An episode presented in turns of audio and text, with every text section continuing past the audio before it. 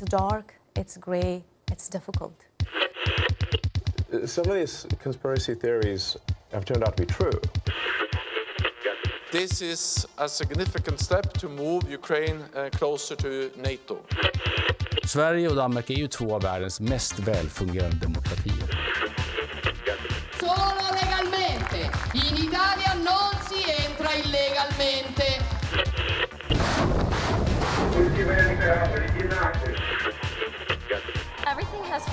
Place. I feel really good about where I am right now. Fredrickson of Denmark and uh, the, the Minister Jacobo, the daughter of Ireland. Do you guys ever think about dying?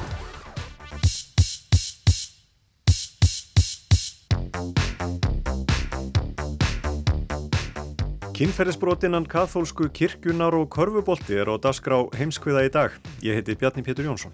Og ég heiti Birta Bjöstóttir. Já, og það er tilvílin einn sem ræði því að umfylgjunar efnir dagsins byrja öll á bókstafnum K. Í síðanluta þáttanins ætla þú, Bjarni, að segja okkur frá nýjustu stjörnunni í NBA-korfuboltanum í bandaríkunum. Er þetta ekki 19 ára piltur sem sumir segja að geta einfallega breytt leiknum? Já, hann heiti Viktor Wembanyama og er sá hæsti í NBA-deildinni og getur skotið og skorað og hreift sig eins og þeir allra bestu og það hefur engin svona hávaksinn komið í deildin og geta gert þetta allt og Viktor hefur þess að verið kallaður einhyrningurinn en hann er heilmikill turn, hár turn og er það ekki þannig að eftir því sem að þeir verða herri þeim mun hættara er við hrunni og við ætlum svona að reyna að spyrja okkur einhverja spurninga og vonandi svara þeim líka hvort að það er í við í tilfelli Vembana Jama eða hvort hann er eftir að, að breyta korfbóltanum. Við skoðum þetta betur í setni hluta þáttarins en við ætlum að byrja á allt öðru. Fyrir fánum dögum loguðu fjölmiðlar á spáni vegna skýslu sem liti í ljós umfang kynferðisbrota kathólsku kirkjunar þar í landi. Þólendur kirkjunarmanna frá því um miðbygg síðustu aldar skipta hundruðum þúsunda. Já, katholska kirkjan hefur um áratuga skeið varist ásökunum um að hafa lift ofbeldinu að þrýfast innan veggja hennar, jafnvel þótt stöðugt var í kvartað.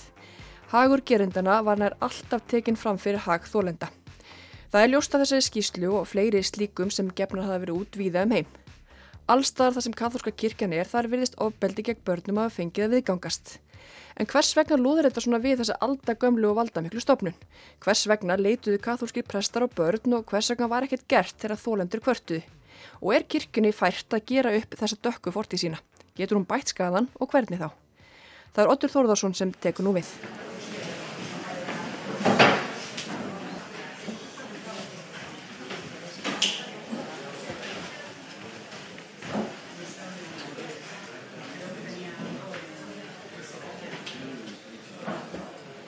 27. oktober síðastliðin var nokkuð venjulegur dagur í Madrid, höfuðborg Spánar.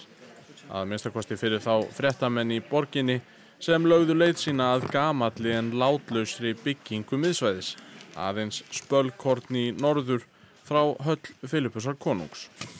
Þar hafði verið bóðað til bladamannafundar til þess að kynna til leiks skýrslu sem lágum allt hús eins og í útgáfuhófi bókaforlags. Buenos días, muchas gracias por su presencia. Þar hóf upp raust sína maður að nafni Angel Gabilondo.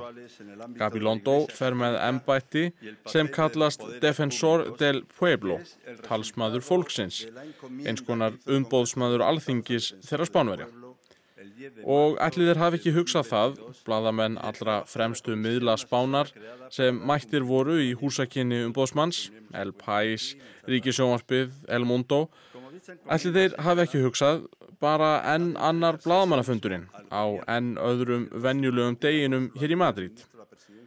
En fyrir ótal marga, tögi ef ekki hundruð þúsunda spánverja, varð 27. oktober 2023 þvert á móti mjög tíðindaríkur og eftirminnilegur.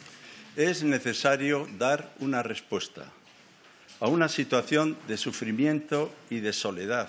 Það er brínt að uppræta þá þjáningu og þá útskúfun sem í ára raðir hefur viðgengst vegna óvæginar þagnar. Það sem gerðist, það gat gerst vegna þagnar þeirra sem hefðu geta gert eitthvað í málunum. Vissulega er það ekki satt að allir hafi vitað um það sem framfór. En það er sömulegis ósatt að enginn hafi vitað neitt. Þessi skýrsla hér er sem svar við félagslegri, siðferðilegri og pólitískri þörf borgara landsins. Og það sem meira máli skiptir, hún gerir það sem þólendur kynferðsofbeldis hafa þurft svo lengi á að halda, að á þá sé hlustað og að þeim sé sínt umhyggja. Það er nummer 1, 2 og 3 í þessari skýrslu. El sentido último y el sentido central de este informe. Skýrsla Gabi Londos, talsmanns fólksins á Spáni, telur einar 700 blaðsíður. Helstu niðurstöðunar eru að um 400.000 manns hafi frá miðri síðustu öld orðið fyrir kynferðisofbeldi af hálfu kirkjunar manna. Það gerir rúmt prósent af heildarfjölda fullorðina á Spáni. Einn af hverjum hundrað.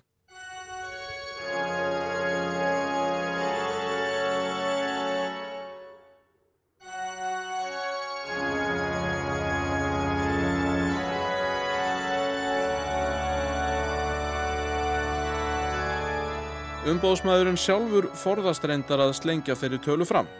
Það eru öllu frekar spænskir miðlar sem það gera út frá því sem stendur í skýslunni. En hvernig reikna menn sig niður að slíkri tölu? Starfsmenn umbóðsmanns hafa á rúmu ári gert kannanir á slembuúrtæki úr þjóðskrá spánar og reynlega spurt Jón og Gunnu hvort þau hafi verið beitt ofbeldi af kirkjunar mönnum og tengdum aðilum.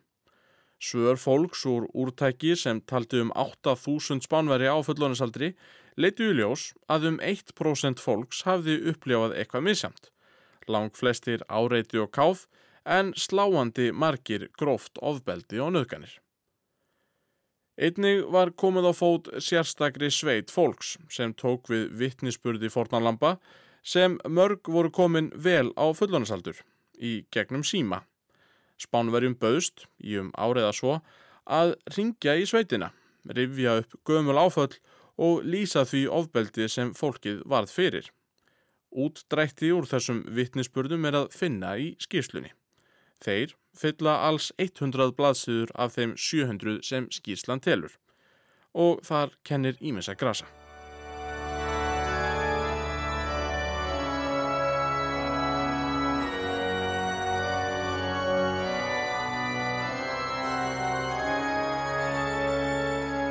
Frásagnir þólenda eru af ýmsum toga, aðstæður þeirra eru mjög mismunandi og sömuleiðis aldur. Það eina sem mætti segja að einkenni vel flesta vittnesburði er að því er verðist einbeittur brotafili gerendana. Í flestum frásögnum segir af prestum, djáknum, biskupum eða öðrum sem störfuðu innan raðakirkjunar því þeir voru alls ekki allir prestar Í flestum frásögnum segir af mönnum sem vissu nákvæmlega hvað þeir voru að gera. Brot þeirra voru oft endurtekin og framinn endurtekið með sama hætti, þá til marksum að þau væru skipulögð. Engver sóknar börn máttu til dæmis gera ráð fyrir því að þegar sínt væri bíjó á kvöldvögum, bæði presturinn þau að sitja með sér aftast, kvöld eftir kvöld, viku eftir viku, svo hann gæti káfað á þeim í friði. Brot einhverja báru líka þess merki að gerendurnir hefðu einhverjar sér óskir og veldu fórnarlömp sín af kostkefni. Það gæti verið kín, aldur, háralitur, vakstarlag og svo framvegis. Gegnum gangandi í þessum frásögnum eins og svo oft vil verða þegar kemur að barnaníði er tilneying gerenda til að ráðast á börn sem komu úr erfiðum aðstæðum, oft af fátækum heimilum. Þessi börn voru gerðnan þegar með brótættari sjálfsmynd en önnur börn með það sem framkýmur í skýslunni og ef skikkinni að þau segðu fóruldrum sínum frá þá voru þeir í engri stöðu í nærsamfélaginu til að sverta mannorð heilagra manna kirkjunar. Þetta að brotin einkennist flest af einbeittum brotavilja presta gengur að sumuleiti í berhög við þær skýringar sem oft er gripið til þegar menn reyna að skilja hvers vegna barnanýð er svo algengt innan kathólsku kirkjunar. Skýrlífið Skýrlífskrafan, sem gerð er til kathólskara presta, er oft sögð valda því að þeir leiti á börn. Fjölmarkar rannsóknir eru til sem þykja sína fram á þetta og sanna. en miða við þann einbeitta vilja sem oft verist vera á bakvið brot presta og annara á börnum er varlega trúlegt að þar séum að kenna einhverji bældri þörf sem gís upp á einhvern annarlegan hátt algjörlega fyrir var á laust. Henry Alexander Henrysson er doktor í heimsbyggi og ég bað hann að skoða þessi mál með mér. Skýrlífiskrafan hefur verið daldið svona í sviðsljósinu að því hún er daldið sérstök og hún er öruglega einhver þáttur í þessu öllu saman.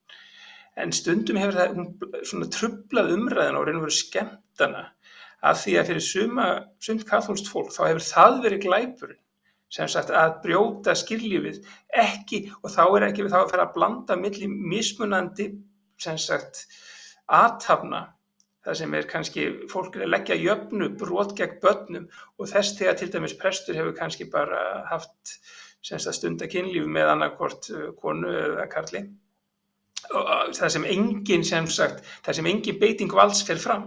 Það að leita skýringa í skýrlífskröfunni getur því gert lítið úr alvarleika brotsins sem framið er. Svo mætti líka ræða hvort það sé yfir höfuður réttlætanlegt að leita skýringa á barnaníði. Er slíkt ekki einfallega einhver óskiljanlegur viðbjöður? Henry telur gaglegt að leita skýringa til að skilja betur, en varar við að leita einfaldra skýringa. Skýrlífskrafan er dæmi um slíkt og því varasamt að halda henni of mikið á lofti.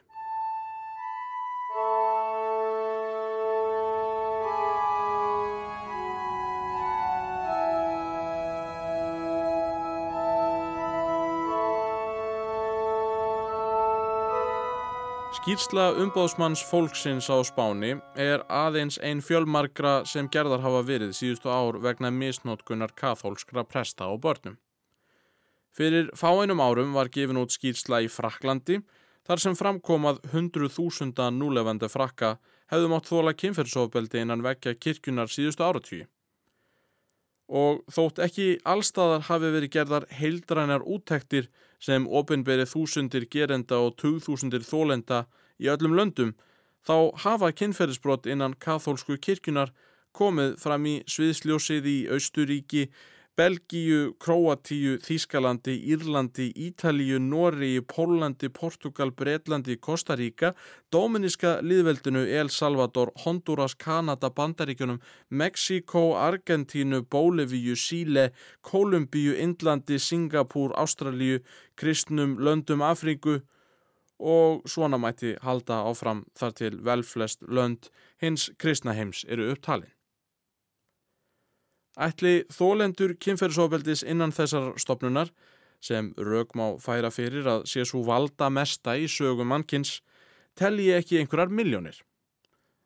Það er hins vegar ómögulegt að vita en það eru flest dæmin sem við þekkjum frá okkar samtíma.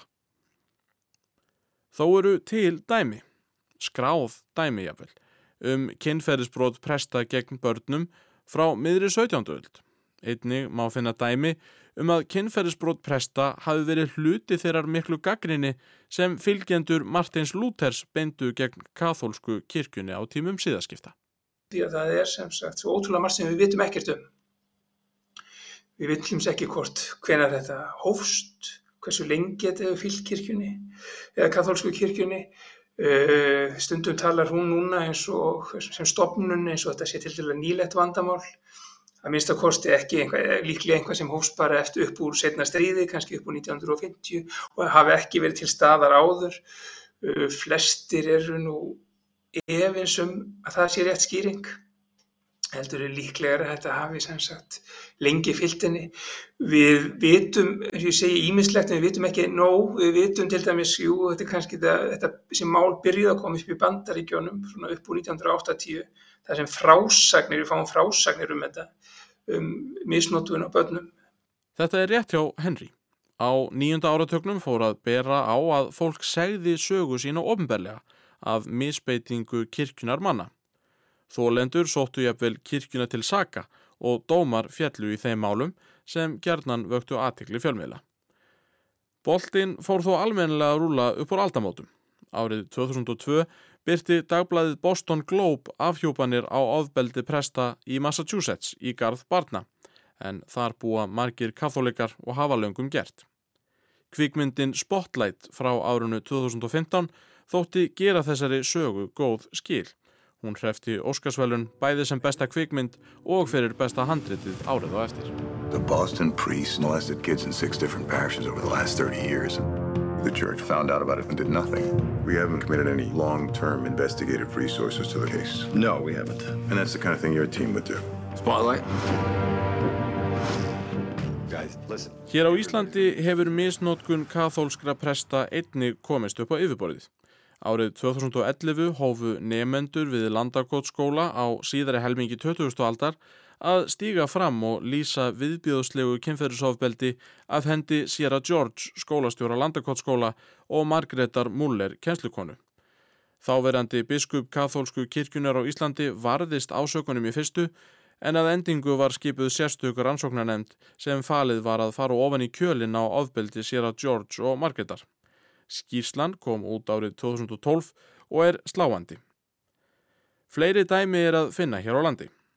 Guðmundur Magnússon sakfræðingur gaf nýlega út bók þar sem myndri neyð Sýra Friðriks Friðrikssonar til ungra drengja er meðal annars líst.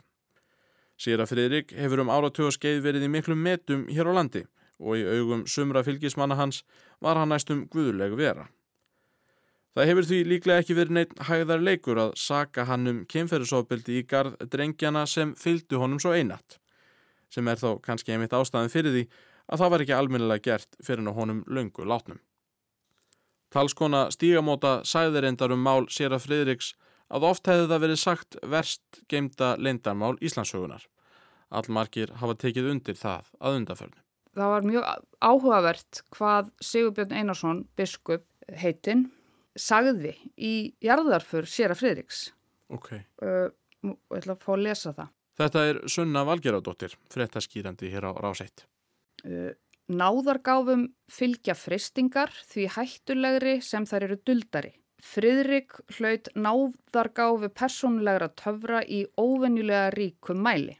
Hann vissi um það vald sem hann gatt haft yfir öðrum Það er fristing slíks manns, það er fristing leðtogans að valdið yfir öðrum, aðdáun og þjónslund fylgismanna verði takmark óaðgreinanlegt frá málstað. Hann þarf að ráða, verða miðdepill, stjaka til hliðar, eiga sinn flokk. Veist, þetta er svolítið góð lýsing á því sem ég var að segja en svo held Sigurbjörn uh, biskup áfram og sagði sér að Fridrik var hafinn yfir slíkt því að hann var hafinn yfir sjálfan sig. Hann bar fyrir brjósti alla drengina sína, tímanlega og eilífa velferð þeirra. Þetta var leindamál Sjera Fridriks. Þannig að hann adressar þetta, Já. hvað þetta, þetta vald, þessar náðargáfur, þessar Freistingar, þessar freistingar og geta verið hættulegar og því hættulegri sem það eru duldari og það er freisting þessa slíks mann sem hefur þessa náðargáfu og þetta vald veist, að láta fallast í fristni mm. en mhm. ekki hans er að friðrik en mér finnst þetta bara svo áhugavert áhugaverð sko að hann sé einhvern veginn að, að ávarpa þetta mm, mm -hmm. uh, og hann velur þennan stað þessa stund jarða fyrir mann sem sjálf -hmm.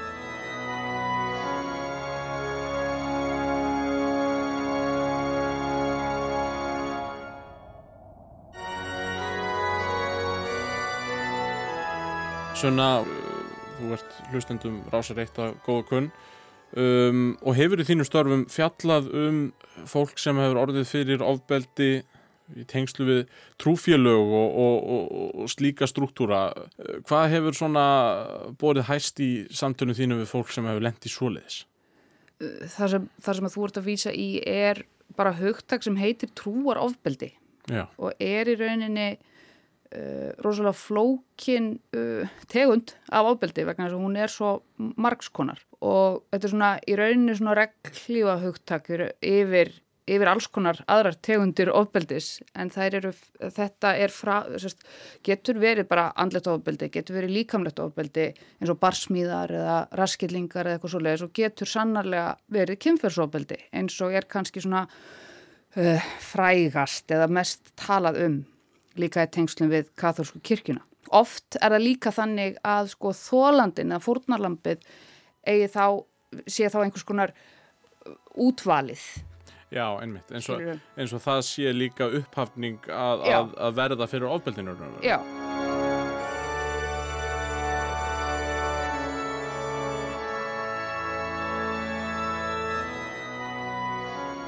Þetta kemur heim og saman við margar þær frásagnir sem finna má í skýrslu umbóðsmanns fólksins á Spáni. Margir þólendur lýsa því að kirkjunarmenn hafi reyndað réttlæta kynferðisminsnótkun í þeirra garð með því að segja að þau var á einhvern nátt sérstök. Þetta var oft raunin í tilfelli eldri þólenda sérstaklega. Þólenda sem voru þá ef til vill farnir að skilja að veru væri að beita þá kynferðislegu misrætti eða að gerandin væri einhvern veginn að svala kynferðislegri löngun.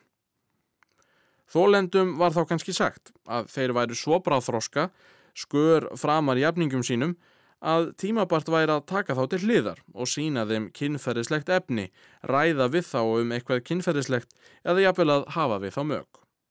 Þagmælska þólenda fegst þá með því að segja þú ert svo sérstakur eða sérstök. Vert ekki að segja jafnöldrum þínum frá, þau myndi ekki skilja hvað hér fór fram, ólíkt þér. Slíkt andlegt ofbeldi í bland við hið kynferðislega ofbeldi tók á sig fleiri myndir. Andlegu ofbeldi þarfenda ofta að beita ætli maður sér að tryggja þagmælsku þólenda. Í tilfelli yngri þólenda, samkvæmt skýrslunni, dugðu ofta að segja að mamma eða pappi erðu reið ef maður segði frá, að þau þyrtu að borga sektir eða færu til helvítis. Í skýrslunni margumrætu er tæft á viðbrögðum kathólsku kirkjunar í árana rás. Kathólska kirkjan á Spáni hefur lengi reynt að draga úr vandamálunu rétt eins og víðar.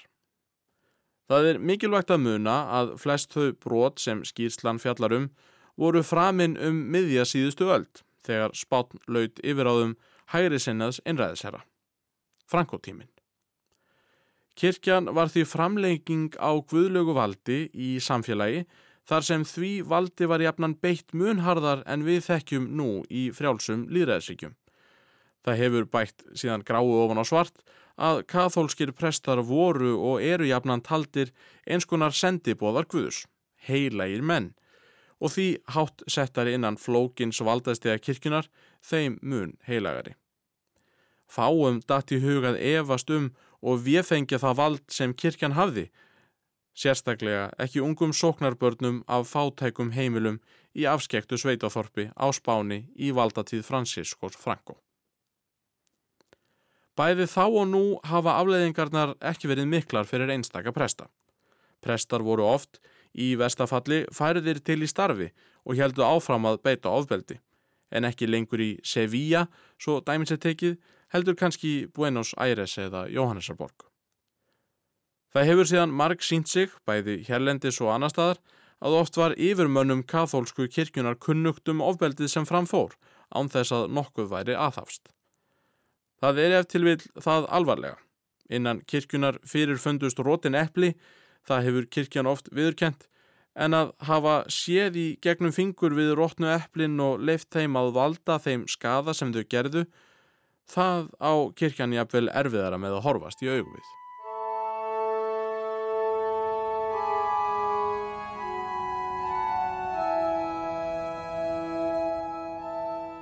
En getur kirkjan endur heim tröst? Getur hún bætt upp fyrir áratugalanga þökkun um viðbjóðslega misnótkun sinna manna á börnum? Getur hún yðrast einlaglega og grætt sár? Já, uh, ég held það að það sé mögulegt. Það er ekki, það er engin svona ómöguleiki til staðars. Þetta er bara erfitt. Uh, sko, sko, stopnarnir geta áinu sér traust aftur þau bara, sem sagt, á, sem sagt, þessi viðurkenning kemur fram hvað gerðist. Hún, er, hún sé ekki skilyrt, að það sé ekki ábyrðin sé varpað einhvað annað, að það sé ekki alltaf verið að fara yfir í já en og það var nú samt þannig og svo framvegis. Þannig við getur ekki áinniðið traust aftur, sko. Þannig að um leiða ábyrðin svona hérna, þeir sína þeim sér alvara með að axla ábyrð, þá held ég að þetta sé alveg möguleik. En það gerist ekki á einu, tveim árum. Þetta er ekki þannig að, þú setur út yfirlýsingu einhvern tíman á hösti og um vori sé bara allt grafið og gleymt. En þetta er líka stofnum sem hefur verið til bísna lengi þannig að ef þeir horfa þetta kannski í 30, 30 ára verkefni þá myndi ég halda þetta að vera mögulegt.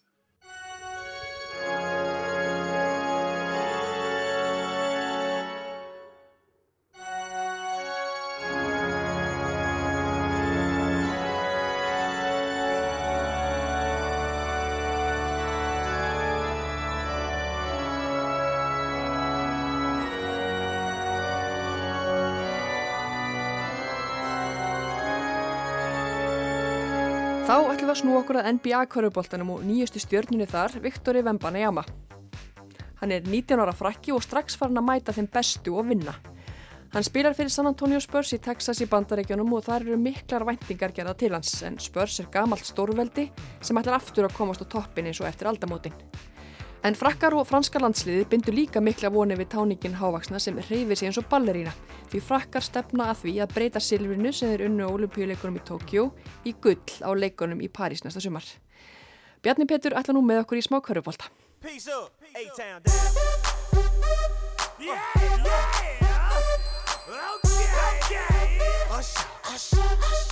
There it is, the first points in the career of Victor Wembanyama. Wembanyama goes right by Durant. Oh! oh Wembanyama connects on a three.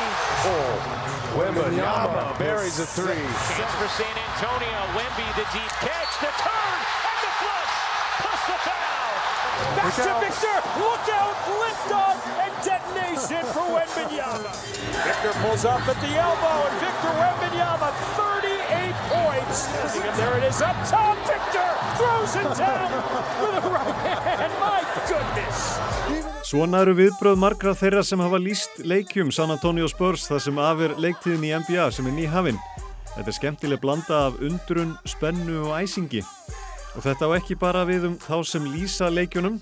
Það eru allir eða lang flestir korfbólta aðdáðendur spenntir fyrir því að fylgjast með Viktori Wembanyama spila. Hann hefur sleiðið gegn á sínum fyrsta mánuði í NBA-deildinni. Hann og aðdáðendur San Antonio Spurs hefðu alltaf getað hugsað sér betri byrjun þó þetta hafði ekki verið eintómur dans á rósum. En Viktor var valinn þriðji besti leikmaður fyrsta mánadarins eftir nokkra stórleiki í oktober og november en hann skoraði meðal annars 38 steg á móti Phoenix Suns um mánaðamótin og komst þar í hóp tveggja af helstu stjörnum síðustu áratöga í deildinni, Lebron James og Kevin Durant. Honum var spáð miklum og skjótum frama en hann virðist fara fram úr björtustu vonum og gæti, segja margir, einn daginn orðið eitt sá besti. En kannski rétt að leifunum að komast á þrítusaldurinn áður en svo umræða hefst fyrir alvöru.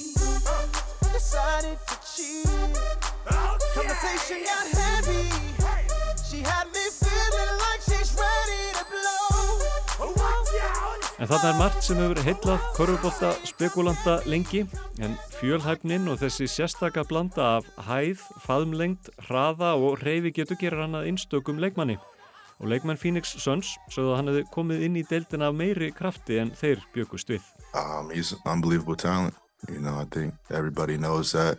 Um, and just trying to figure out what he is because we've never seen him before. And, you know, he, he he has an advantage being 7'4 and being able to shoot over everybody. So just finding different ways to make it tough on him. But he had a hell of a night. Þetta er Devin Booker, helsta skitta Phoenix liðsins. Hann segir að Viktor hafa átt frábæran leik og geti gert nokkur veginn það sem hann vilji inn á vellinum. Viktor hefur oft verið líkt við liðsfélaga Bookers, Kevin Durant, sem er langur og mjór eins og Viktor og getur skotið, en svo mýkt sem þar til þess er sjálfgef þegar menn eru komnir vel á þriðja metra. We both skinny and I'm sure he said he watched me growing up, but he's a he's his own player. He's gonna create his own lane. He's much different than anybody who's ever played, and um, you can try to compare, but he's gonna carve out his own lane.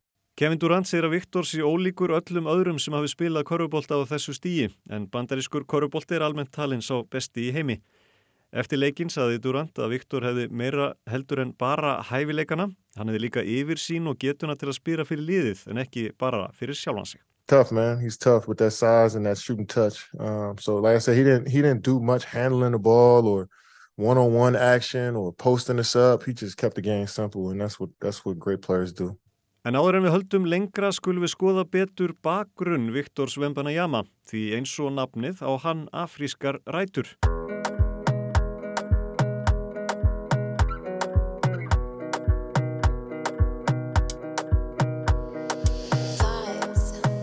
Fættist í Le Chesnay sem er næstum 30.000 manna bær skamt frá Versölum í útjæðari Parísar. Hann er fættur í byrjun ás 2004 og er því aðeins 19 ára. Pappi hans, Felix, er af kongóskum uppruna og kefti í frjálsum íþróttum, langstökki og hástökki en köruboltagenin fær Viktor frá mömmu sinni sem þjálfaði og spilaði körubolta lengi. Fóreldrarnir eru báðir vel yfir 1,90 hæð en Viktor náði þeim snemma var komin yfir 1.810 ára og er núna 2,24 metrar og svo hæsti í NBA-deildinni. Körfuboltin er í blóðinu, báðir foreldrarnir spiluðu líka sískinans og ammans og afi og hann hefur frá unga aldri verið einstakur, bæði hvað varðar hæð og hæfileikana sem að fylgja. Sigurður Orri Kristjánsson er körfubolta sérfræðingur og einn af umsjónamönnum NBA þáttarins lögmál leiksins og hann tekur undir þetta, Viktor Wembanayama er einstakur. Já, þetta er, er einhverju frekar svona inn, innstakt uh, fyrirbæri, ef maður má orða, orða það þannig. Hann, hérna, hann er 24-25 á hæð, hann er með væng, vængkaff upp á kannski 2.45-2.50 og uh, getur þar að leiðandi sko, spilað vörðin undir körfunni en líka upp, upp við tryggjastalínuna eða sama tíma. Hann með svona líkamlega eiginleika sem að þú kennir ekkert þessi hæð og, og þetta, þetta vængkaff en aðalega er það ræðilega til svona stóri strákar sko en hann reyfir sig eins og hann sé bara 1.85. Hann er óbúslega fljótur á löpbónum með fallet skot fyrir utan líka sem er algjörlega einstakt. Uh, það eru náttúrulega að hafa verið íþróttamenni gegnum tíðina sem hafa alveg svona skarað fram úr sinni íþrótt á alveg klárlega. Meina Michael Phelps veist, í, í, í sundinu, svona vikamleir yfirbyrðir. Uh, Kristján Rónaldó kannski í fótbolta eða Slatan. En þessi eru alltaf, þetta er svona alltaf öruð plani einhvern veginn. Þetta er bara þetta er algjörlega einstakt dæmi. San Antonio Spurs vann aðeins 22 leiki á síðasta tímabili. Það var þriðja versta tímabili sögufélagsins sem komst ekki í úslitakeppnina fjórðaða tímabili í röð. En það er alþekkt í NBA að lið gefa eftir heilu tímabilinu jafnvel nokkur ári röð til að byggja liðið upp aftur og sanka að sér stjórnum sem geta gert í kleift að berjast um titilinn. Með því að enda neðarlega í deildinni færast lið framar í nýliðavalunni ár hvert og þar ganga líka valréttir kaupum og sölum. Það var því mikið undir í sumar þegar fjögur lið voru eftir í pottinum um að fá fyrsta valréttin í nýliðavalunni í ár því að það lág nánast fyrir að Viktor Wembanayama færi fyrstur. With the first pick in the 2023 NBA draft, the San Antonio Spurs select Victor Wembanyama from Nanterre, France. Victor Wembanyama sharing this moment with his family. Every phone in this arena is out capturing this historical moment because he is perhaps the greatest prospect to ever walk across this stage. He heads to San Antonio. San Antonio Spurs datt í lukkupottin og þá eftir að marka næstu ári í sögu félagsins því að nú verður liklega allt lagt í sölurnar til að byggja upp liði kringum þennan fjölhæfa unga leikmann. Og þetta er vinna sem hefur staðið yfir lengi. Þjálfæri Spurs er eitt sá Sigur Sælasti í sögu NBA. Hann heitir Greg Popovits og hefur verið hjá félaginu síðan 1994. Hann hefur unnið allt sem hægt er að vinna, flesta sigra allra þjálfara í deildinu og hann þjálfaði liði þegar það vann 5 NBA-titla, þá einu sem félagið hefur unnið. Aðeins 5 þjálfarar hafa afrekað að vinna 5 titla og Popovits gæti átt eftir að bæta fleirum í safnið, gangjónum vel að byggja upp liði í kringum Viktor Wembanayama. Því Pop, eins og hann er kallaður, skrifaði undir nýjan 5 ára samning í sumar og verður líklega hjá Spurs til ásins 2028 í það minsta. Þá verður hann orðin 79 ára og líklega komin tími til að setjast í Helgan Stein.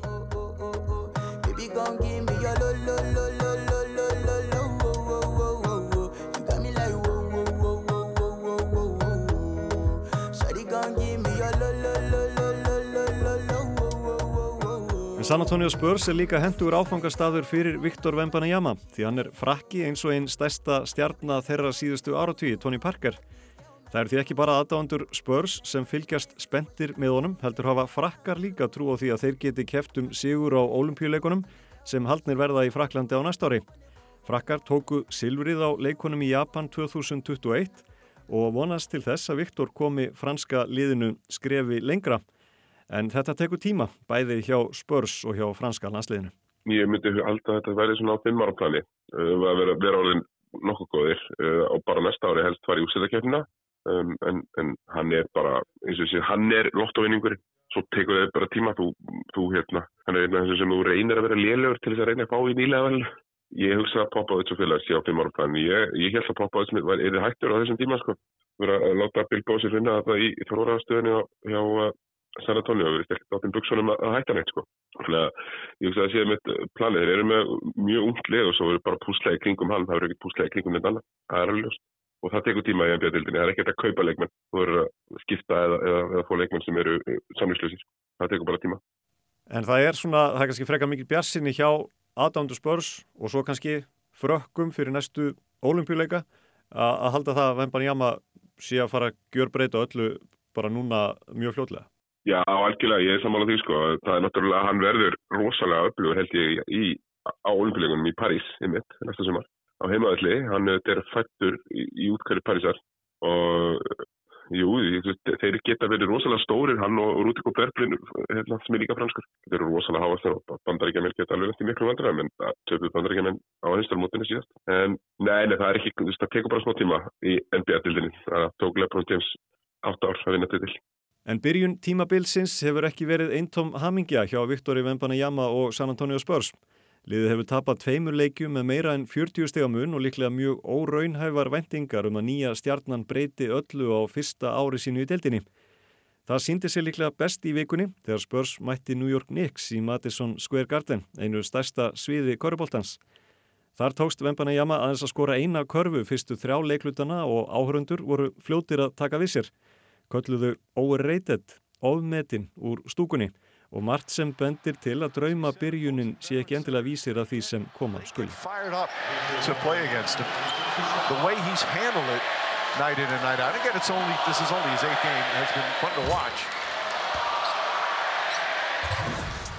Spurs tapaði fyrir Nix með rúmlega 20 stigamun og Popovits saði eftir leikin að þetta ætti eftir að taka langan tíma. Hann veit að það þarf lið en ekki bara leikmann til að vinna og núna er Vembanajama ekki nógu góður til að koma liðinu í úsletakefnina. En framtíðin er björt en það óttir að taka hann og liðið lengri tíma því að liðið er, er mjög umt. Það er yngsta liðið í NBA-deildinni. Vembanajama sagðist að verið stressaður þegar hann spilaði í Madison Square Garden og hann væri enn að læra. I'm starting to get used a little bit to, to the rhythm so the day was and uh, yeah, we, we did have a tough, a rough start collectively but we're, we're young, you know, the youngest team in the league so we're learning. San Antonio Spurs er eins og áður saði yngsta liðið í NBA og þarf að styrkja sig til að ná lengra. Það þarf Viktor Vembanajama líka að gera. Shaquille O'Neal, eitt þekktasti miðhergi sem spilað hefur í deildinni, saði í vikunni að Vembanajama væri ekki nógu sterkur til að slá í gegn í deildinni. Það hefur margir svipaður honum komið og farið en þessi umæli sjakk vöktu mikla umræðu og deilur því framtíð Vembanajama og framistada og gengi hefur verið helsta umræðuefni í haust. Sigurður Orri segir að Viktor Vembanajama geti vel breytt korruboltanum eins og Lebron James gerði á undan honum og Steph Curry þar á eftir. En það verði spennandi að fylgjast með honum á næstinni. Hann getur gett að spila fært einhvern einasta stóra mann í deildinni fyrir utan, utan, utan hérna þryggastelunina þannig að þeir geta ekki spila vörð návært hverjunni og hann getur sjálfur hreift sig eins og bakverður þannig að hann átti að geta, geta spila vörð á móti, já, tjá, svo gott sem að segja öllum og, og gerturinn og eru sóknarleik. Ég, ég held að hann sé meiri leikbreytir vartanlega heldur en sóknarlega en hann getur breytt leikum alveg klálega.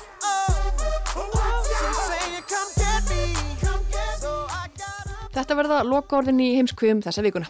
Við verðum hér á sama tíma í næstu viku. Takk fyrir að hlusta.